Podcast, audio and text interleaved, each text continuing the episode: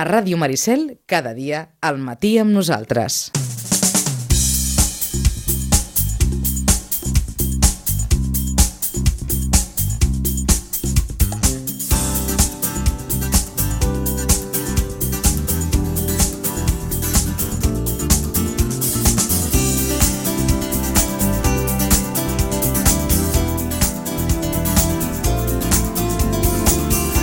Acostant-nos al punt de dos quarts d'onze del matí, temps per fer crònica esportiva del que ha succeït al cap de setmana. Home, així d'entrada uns quants titulars.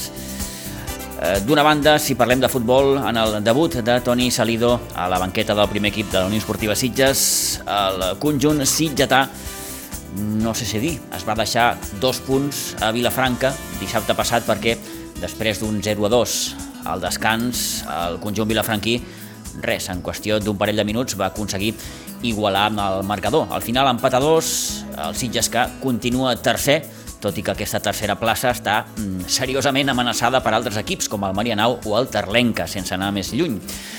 Eh, bon debut eh, d'Àlex Villalgordo amb el filial, amb el Sitges B. 0 a 4 a Montbui, a Santa Margarida de Montbui el passat dissabte a la tarda, després d'un partit que als primers 45 minuts no hi va haver cap gol, 0 a 0, tots quatre gols del Sitges B van arribar després del descans a la segona meitat. Per tant, un Sitges B que continua en aquesta tercera posició al grup dotzent de la tercera catalana. Hi ha un triple empat a 60 punts entre Atlètic Vilanova, entre Sitges B i Vilanova del Camí. I molta atenció perquè aquest proper cap de setmana tenim un Atlètic Vilanova Sitges B. Apassionant en aquestes últimes jornades ja del grup dotzent de la tercera catalana. I si parlem de bàsquet, el bàsquet Sitges que mm, se li complica i de quina manera l'ascens a primera catalana. Dissabte a la tarda perdia 67 a 62 a Sant Adrià, davant l'UPSA Sant Adrià B. Un equip jove, un equip ràpid, eh, davant un Sitges que no va estar massa afinat, com tampoc ho va estar el dia del Vilassar a Pinsbens, i de moment dues derrotes, eh, una victòria només, queden tres partits que seran tres autèntiques finals. Bé, de tot això en parlarem d'aquí uns moments perquè també tenim bons titulars que ens arriba del món del futbol base.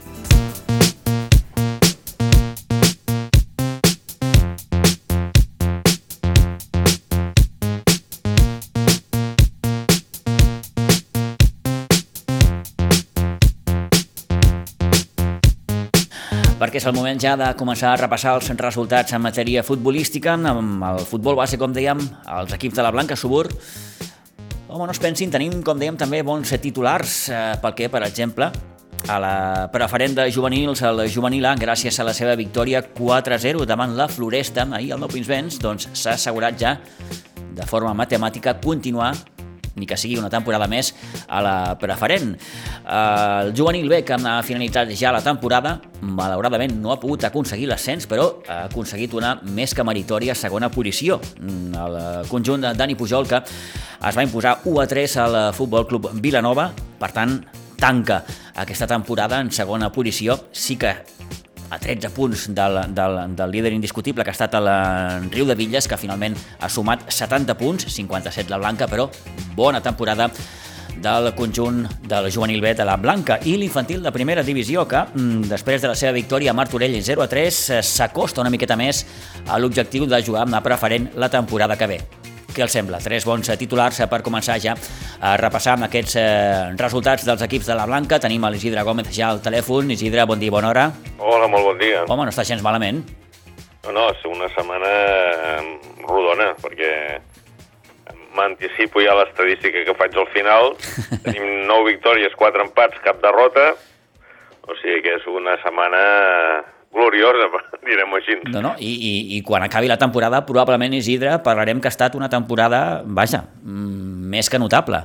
Jo dic, no porto molts anys a la Blanca i no recordo una, tem una temporada en conjunt tan exitosa com aquesta. O sigui, ja dic que m'estic mirant aquí, dic, l'equip que tenim més avall ara és, és el cadet de, de, la cadet A, que està en UB, eh, però perquè ja s'ha deixat anar i equips, eh, tenim un altre primer, un Alevin també està en primera posició, varios en segons, tercers, i que No, no, està- contents estem contents. I ara ja amb, amb l'assegurat eh, permanència del juvenil A, pues, ja... Sí, sí. Comencem precisament per aquí, per aquest eh, juvenil A de preferent que, després de la seva victòria 4-0 en un partidàs ahir davant la Floresta, ja dèiem divendres que la Floresta bé, es perfilava com un equip difícil, complicat, però ahir la Blanca va ser superior i aquest 4-0 que certifica, com dèiem, eh, assegurar-se una temporada més a jugar preferent l'any vinent, Isidre. Bueno, jo mirant ara els resultats i ja, amb la Floresta no s'hi jugava res. Mm. També m'han comentat, perquè no vaig poder estar, que no ens van apretar a dalt i ens van, ens van deixar treure la pilota amb tranquil·litat i bueno, quan ens deixen jugar pues, tenim jugadors que, que la remenen. Llavors jo crec que això va ser va influir, va influir que, que la Floresta no, no, no apretés. Perquè dic, no s'hi jugaven res, ni per dalt ni per baix, estan ja en un lloc tranquil, que no els pot agafar quasi ningú. O sigui que...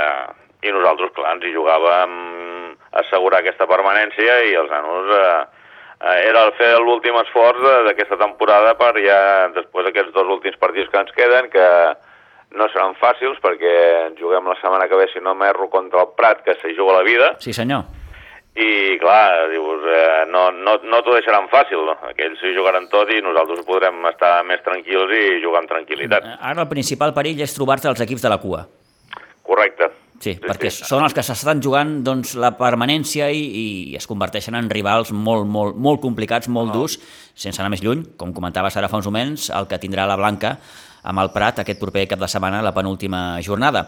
Bé, El ahir una... i Sí. el, el Seca que estan Sí. allà frec a frec i s'ho juguen tot. Sí senyor, tot. sí senyor. Bé, doncs eh, dos partits ja per tancar aquesta temporada, després d'aquesta bona victòria d'ahir 4-0 davant la Floresta. I com dèiem Isidre, el juvenil de segona divisió, el juvenil B que ha tancat eh, temporada i ho va fer doncs, eh, com, com ho ha fet a, a la majoria de la temporada, que és guanyant i sumant els 3 punts. Victòria 1 a 3 al camp del Vilanova. Contundents, on m'han explicat i eh, bueno, com, com, com han anat jugant tota aquesta temporada. Tot i que va començar marcant el, el, el Vilanova, doncs la Blanca va ser capaç de, de, de capgirar en aquesta situació. Al final, mmm, victòria Bueno. per 1 a 3, Hem mantingut la línia de tota la temporada. Ah, exactament. Ja eh, l'estar... Quan, quan et relaxes perquè no tens eh, res a assolir, ni res a perdre, ni... Et relaxes i jugues bé. Mhm. -hmm. Veus? Perquè els últims partits doncs, eh, havien sigut bastant toscos, per dir-ho d'alguna manera, i... però bueno, ara ja que sabíem que no podíem arribar per dalt, ni tampoc per baix ens empaitava ningú, jugues amb tranquil·litat i doncs, ho, ho treus endavant. I aquí, Isidre, hi ha hagut, ja fa setmanes que que, que ho diem, eh, un campió indiscutible, aquest Riu de Villes que ha acabat amb 70 punts, eh, pensin la diferència, eh? la Blanca que ha acabat en segona posició amb 57, li ha tret encara 13 punts, mm, però el, No. balan el balanç de la Blanca és, és boníssim, 18 victòries, 3 empats i només 3 derrotes. No, no, és que si mires altres eh, lligues i tot això, uns 57 punts quasi, moltes eh, podries posar-te per davant, també, Mhm. però 57 punts... Són números aquests, eh, Isidre, que, que, que, que bé, tranquil·lament et poden, et poden donar un primer lloc. Sí, sí, no, no, Mhm. tran tranquil·lament, ja dic, el, el Riu de Villes ara no sé si, sí, ha perdut res, eh? Jo crec que no. Eh, Mira, no, 23 partits guanyats i un empatat, Sí, o sí, sigui que jo crec que no. Sí, quasi sí. allò, la lliga perfecta. doncs, magnífica temporada també d'aquest juvenil B de segona divisió. Li ha faltat, eh, res, això, mm, doncs una miqueta per, per, per tractar de ser l'any vinent a, a primera divisió. I una altra bona notícia, eh, Gidra, és aquest infantil de primera divisió que, després de la seva victòria 0-3 a Martorell, doncs eh, bé, eh, líder sí, una miqueta més a prop de preferent, tot i que la diferència amb el Martorell crec que és mínima, són de 3 punts, per tant, eh, caldrà doncs, un darrer esforç en aquest sentit. Sí, tenim 3 punts i el gol a baraix, mm. i però bueno, ens queden 3 ossos. per això, per això. no, no, no està tot aconseguit. Estem més a la vora perquè ja dic que el primer os que teníem era el Martorell, aquest ja més o menys, no és que l'apartem, però ens l'hem tret de, de sobre de moment, i però clar, no, ningú ens regala res. Aquestes categories ningú regala res, els nanos encara no, estan per jugar a futbol i guanyar sempre. No, no miren eh, conservar o no conservar, van a, van a guanyar i ja està, i em sembla que ens queda el Ribes, el Vilanova, o sigui, derbis, a sobre uh -huh. ens queden derbis. Partits complicats, el que li queda a l'infantil de primera divisió, a veure si l'objectiu és possible i ser l'any que ve a, a, a preferent. Doncs tres bons resultats per començar, Isidre, i la resta, vaja, ja ho has dit fa uns moments, mm, sí, oli no en llum. Tot, uh, mira, el cadet A va empatar 4-4 al camp de la Fundació Atlètic Vilafranca, el cadet B va guanyar a Pinsbens 8-1 al Canyelles associació esportiva, l'infantil A ja l'hem comentat, l'infantil E va guanyar 3 a 2 a Pinsbens contra el Mas Catarro A, l'infantil C va, va empatar 1 a 1 el, contra el Basi Vilanova 2015, en categoria Levina, la Levina va guanyar als municipals dels Canyars el Castell de Fel C per 3 a 6, a la Levi B va empatar 3 a 3 a Pinsbens contra el Sant Boià C, l'Alibi C va guanyar 4 a 1 a Pinsbens contra el Mar Bartra 2020 i finalment en D va empatar 4 a 4 al camp de la Fundació Atlètic Vilafranca E. En categoria Benjamí, el Benjamí A va guanyar Pinsbens 4 a 0 a la Fundació Unió Esportiva Cornellà al G, el B descansava, el C també, i finalment el D es va imposar 2 a 3 al camp del Riu de Villes, o sigui, el que hem dit abans, 9 victòries, 4 empats, Uh, que no ha sigut perfecte, però... Però gairebé, quasi, eh? ens hi acostem, ens hi acostem. Perquè els empats, la majoria també han estat a camp contrari, sol llevat d'un, o sigui que no, no, molt bé. Uh, bon cap de setmana, per tant, pels equips de la Blanca i aquests números fantàstics que ens acaba de comentar l'Isidre Gómez. Isidre, moltíssimes gràcies, bona setmana, fins divendres. Gràcies a vosaltres. Adéu-siau. Adéu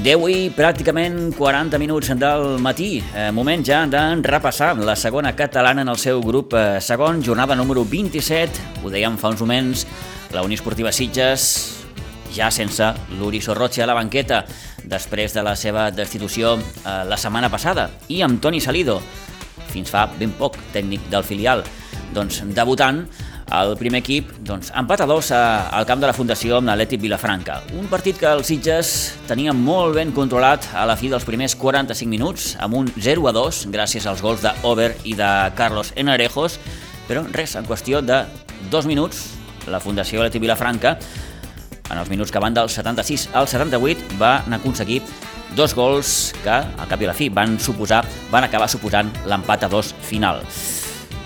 Toni Muñoz, bon dia dia, bon dia, Pitu. No sé si dir que l'empat de l'altre dia, que home, no deixa de ser un empat i és un punt que suma, tot i que pots tenir la sensació, la sensació de que te n'has deixat dos després d'anar guanyant 0 a 2 a la, a la primera part, doncs no sé si dir, Toni, que l'empat de l'altre dia és un reflex una miqueta del que li està passant als Sitges aquesta temporada, no?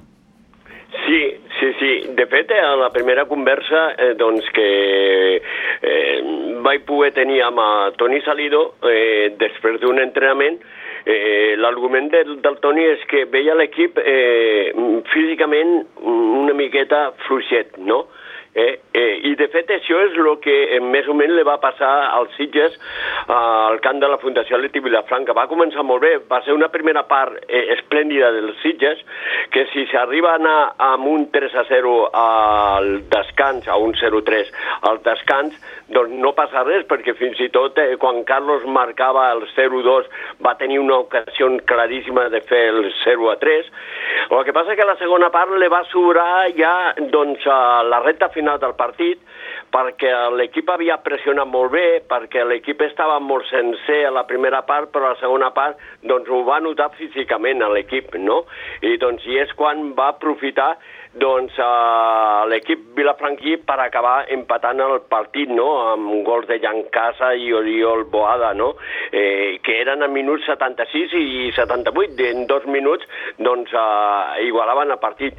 Però és que després el Sitges va tenir ocasions claríssimes de guanyar el partit, la va tenir Sacris, eh, doncs que, clara ocasió la va tenir Martí Ferrer, eh, va tenir una claríssima ocasió que se la van treure eh, pràcticament de, de la mateixa línia de gol.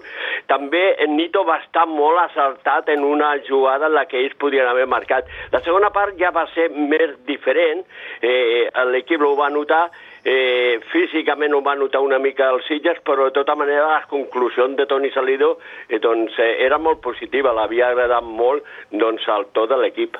El Sitges amb aquest empat eh, continua tercer a la classificació en un cap de setmana en què el Prat B ja ha certificat també l'ascens a primera catalana. La setmana passada ho va fer el Sant Mauro, doncs aquesta jornada amb l'empat del Sitges i òbviament el seu empat al camp de l'Sporting Gavà fa que el Prat B sigui ja nou equip de primera catalana. Per tant, Toni, Sant Mauro i Prat B l'any que ve a primera. Sí, una llàstima. Podria haver sigut el Sitges un d'ells, de, no?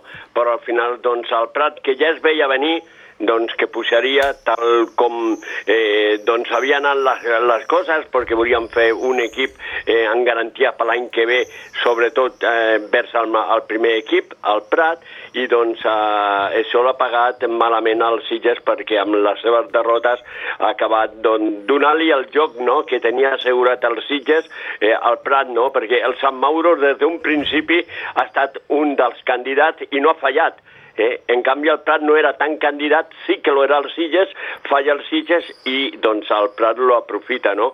Eh, bé, al final el Sitges té que, té que lluitar pel tercer lloc, no ho té fàcil perquè descansa aquesta setmana, perdó, aquesta setmana juga amb l'Atlètic Prat Delta, descansarà sí, sí. la propera, i l'últim partit és amb l'Òdena. És interessant guanyar l'Atlètic Prat Delta aquesta setmana, a veure què passa amb els seus rivals que van per darrere, tant el Marianao Poblet com el Terlenca barcelonista, no? Mm, efectivament. Eh, Toni, encara no havíem tingut l'oportunitat de poder parlar amb tu eh, aquesta passada setmana. Mm, què t'ha semblat mm, tot el que ha envoltat els Sitges arran de la destitució de l'Uri Sorroche, el fet que Toni Salido doncs, s'incorpori doncs, al primer equip, que Àlex Villalgordo doncs, eh, es faci càrrec del, del filial, d'aquí uns moments en, en parlarem, inclús conversarem uns minuts amb ell. No sé, Toni, com, com, com has vist tots aquests moviments que s'han produït als Sitges? Mm, a veure... Eh... Sorprès, d'entrada? Sorprès, sí. Clar, sorprès, eh, és que ha, ha sorprès a tothom, no? Perquè eh, quedaven quatre jornades, no? Quan li van dir a la Luri que no disposaven, que no comptaven amb ella. Quan eh, quatre setmanes abans doncs la Luri eh, havia posat la, eh, el seu càrrec a disposició de la Junta i la Junta li va donar la confiança fins a final de temporada. Aquesta és la primera. Segona, eh, doncs del, del Toni és el premi a la feina ben feta, no? Eh, el Toni va agafar un projecte complicat amb nois que arribaven dels juvenils, ha fet un bé sensacional, que, que encara pot dir moltes coses, eh, que està dalt del tot i que a més a més doncs, eh, la feina és molt bona i aquest és el premi, no? Eh, el que passa que sota una miqueta doncs, la decisió mm, a falta de poques jornades, quan el Sitges ja no tenia opcions eh, doncs de, de no disposar ja amb la Luri, pensant més en el futur, no? Perquè, clar, el Sitges ja comença a pensar en el futur i el futur per als Sitges és un any més Toni Salido, no? Uh -huh. En lo de més, n'hi ha molts comentaris, eh? Jo ahir vaig escoltar comentaris de tota mena, sí, sí, eh, gent que està a favor de, de la decisió de la Unió Esportiva Sitges i molta gent, moltíssima, que no ho entén, perquè per molta gent eh, tenien que haver acabat la temporada i després decidir. Eh, Toni, ahir l'empat a 3 entre el Cubelles i l'Olivella, diguem que, vaja, deixa l'Olivella mm, mm, més a prop de tercera. Sí, més a prop de tercera i una llàstima, eh, perquè doncs, l'Olivella va fer un partit per guanyar, eh? El que passa doncs, que el, el Cubelles té un bon equip, però té un jugador que marca la diferència, que és Òscar Garcia. Tu ja el vas veure, el sí. partit que va jugar amb els Sitges, mm. eh, doncs el d'ahir va ser ja una altra història. Uh, ell va col·laborar en els gols de lo, del Cubelles i fins i tot va marcar el tercer gol de penal. Un penal que era el 3 a 3, eh, que era penal, però el que no s'entén és que Òscar Garcia llançava el penal, lo enviava als núvols i l'àrbitre del partit ho feia repetir. Segons l'àrbitre era perquè el porter s'havia mogut Mm.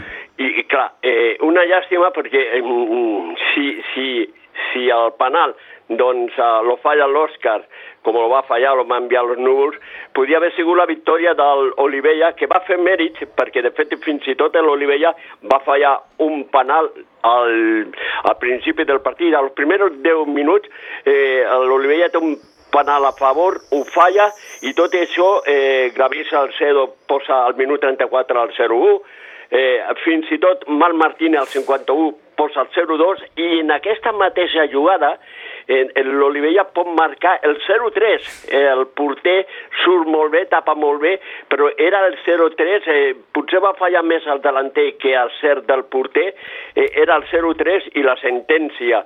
Com no sentències, eh, Marc Baston fa a passe de l'Òscar Garcia el 1-2, eh, l'Edgar Garcia eh, de penal, un altre penal, perquè se xiulen tres penals a favor de l'Olivella, posa l'1-3, amb el 1-3, eh, clar, era el minut 67, quedava molt de partit, però l'Olivella estava jugant força bé. Ningú pensava l'empat. Després Javi Pardo feia el 2 a 3 al 76 i el penal que jo te dic, de l'Òscar Garcia, que era penal, però que lo envia a los núvols i l'àrbitre doncs ho fa repetir i al final sí que no falla. Al final 3-3 en un partit que l'Olivella mereix molt, molt, molt, però acaba sumant un punt que per a mi és molt poc punt, perquè ara té que guanyar Sant Mauro. Sant Mauro ja l'ha fet tot. Sí, potser Però- l'avantatge, Toni, és aquesta, no? que el Sant Mauro ja té la feina feta, mm, vaja, tot i, tot i això no deixa de ser un rival molt, molt, molt perillós per Olivella en aquests moments. Molt, molt perillós, molt perillós perquè és el Sant Mauro i, i voldrà acabar el campionat el millor possible, no?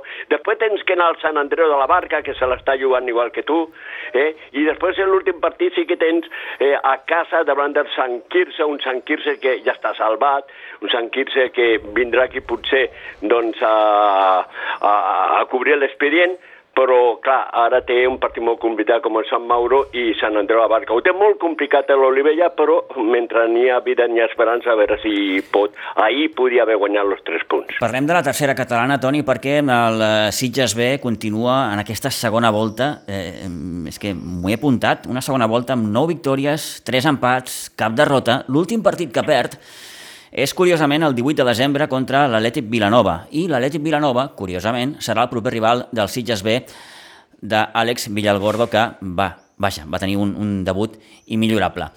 Àlex, bon dia i bona hora.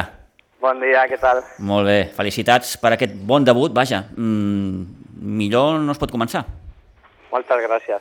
Sí, la veritat que, que molt content, molt content perquè els nois, bueno, eh, com has ben comentat, porten una ratxa molt, molt llarga i molt bona i, i poder mantenir-la, pues, bueno, sempre, sempre és po- positiu començar així. Eh, bé, no ha estat una setmana senzilla eh, al, al club, eh, la destitució de la Luri, el fet que el, el Toni passi a ocupar la banqueta del primer equip, eh, a tu et proposen doncs, eh, fer-te càrrec del, del, del filial.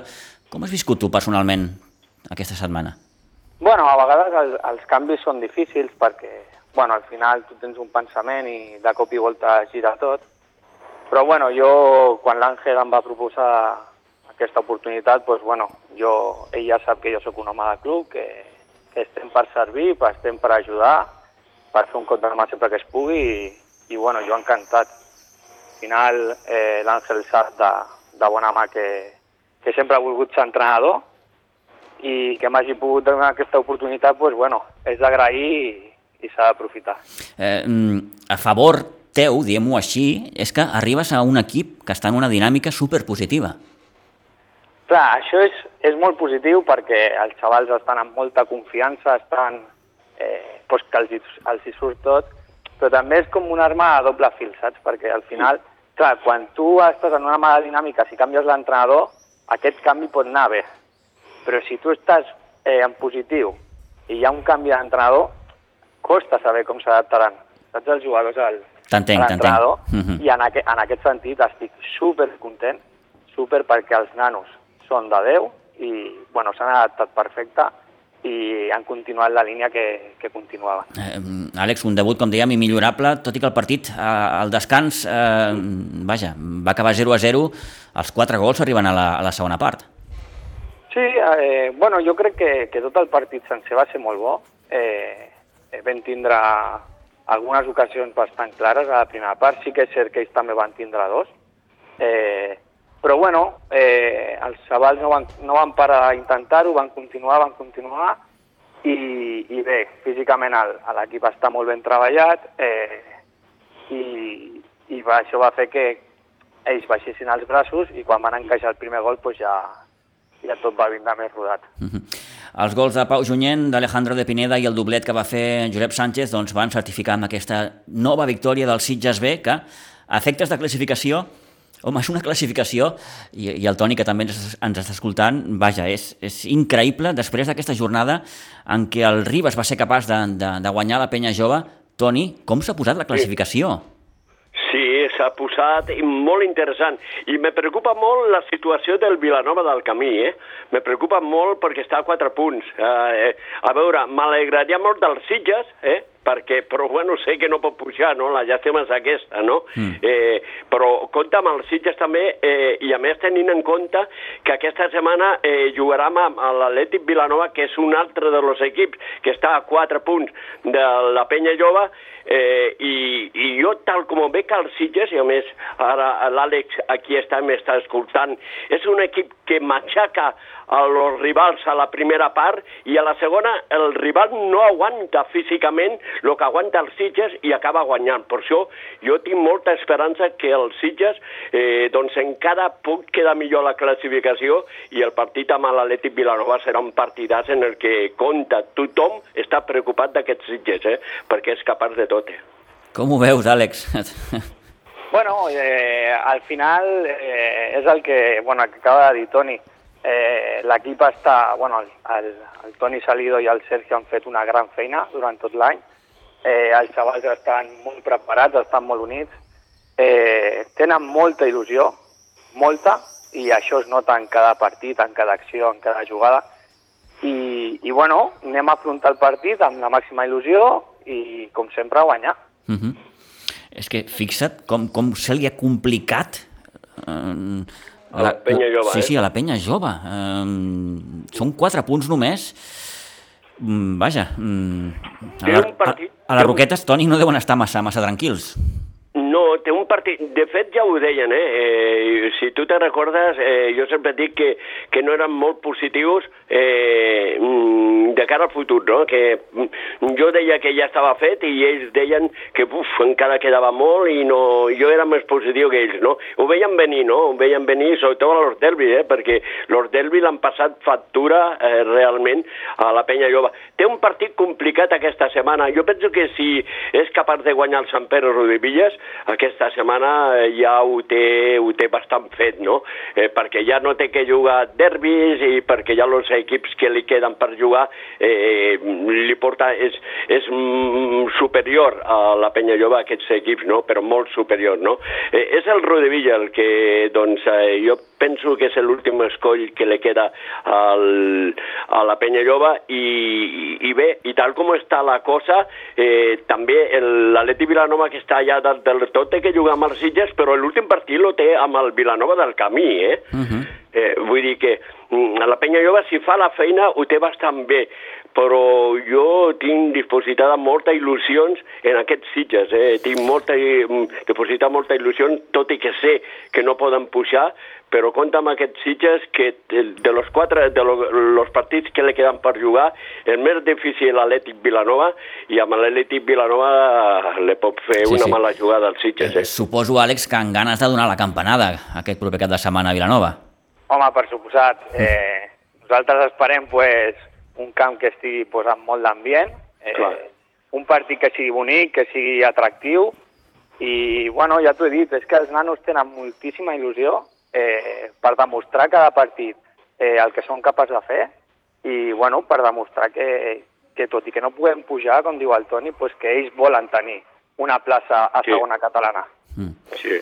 Com, com eh, deies abans, explicaves, Àlex, una miqueta eh, que en certa manera, no diré que preocupava, però és allò, no?, que, que la dinàmica com que és tan positiva amb, amb, amb el fins fa poc entrenador, amb el Toni Salido, doncs ara ve un nou entrenador, doncs que això no, no, no fes trontollar, en certa manera, la, la, dinàmica, la dinàmica de l'equip.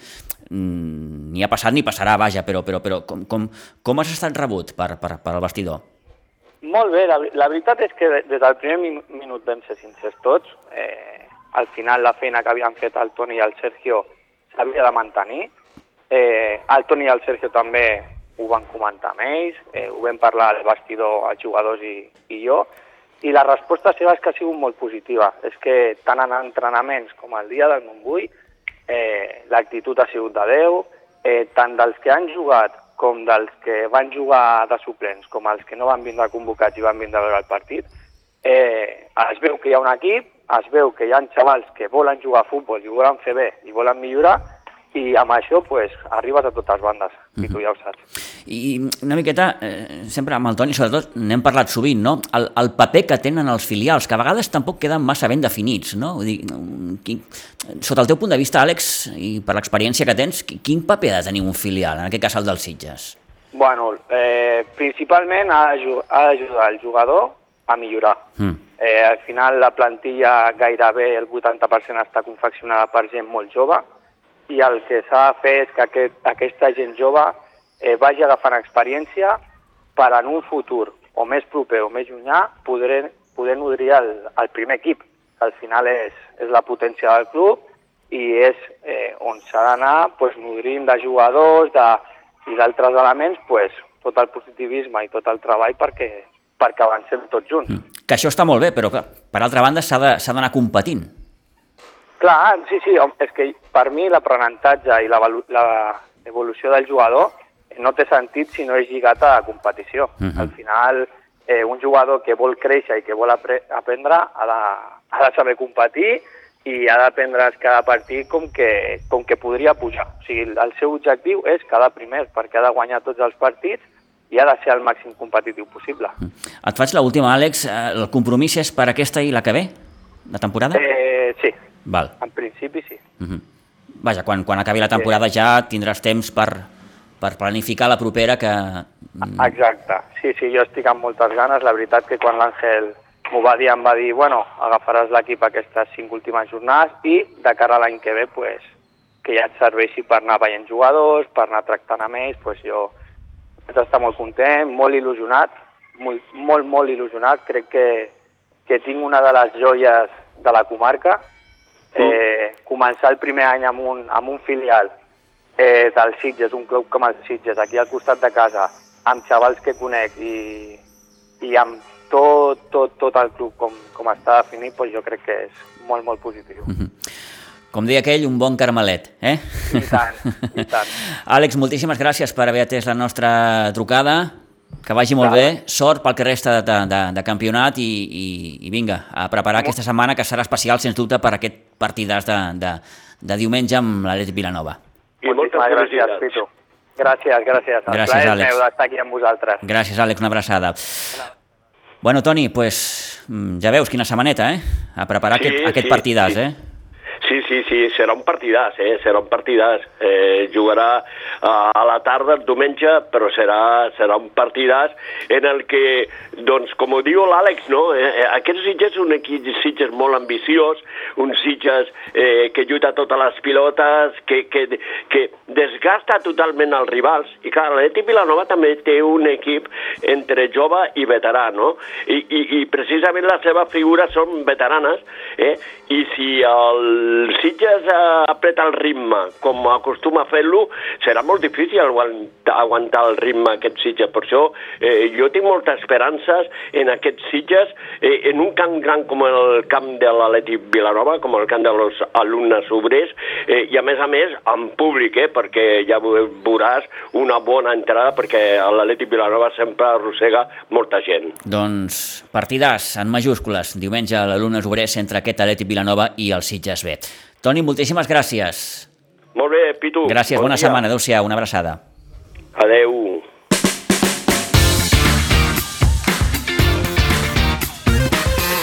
11 i gairebé dos minuts del matí, parlem de bàsquet perquè mmm, de quina manera se li ha complicat l'ascens al bàsquet Sitges. Derrota dissabte a la tarda a Sant Adrià contra el Sant Adrià B 67 a 62. Al descans un partit que dominava el conjunt local per 40 a 37, un tercer període amb només 8 punts anotats. Vaja, un partit en què l'equip no va estar massa, massa afinat, com tampoc va estar, ja ho dèiem abans també, el dia del Vilassar. Mauro Pérez màxim anotador amb 14 punts. De moment, de moment, la situació és aquesta. Una victòria, dues derrotes.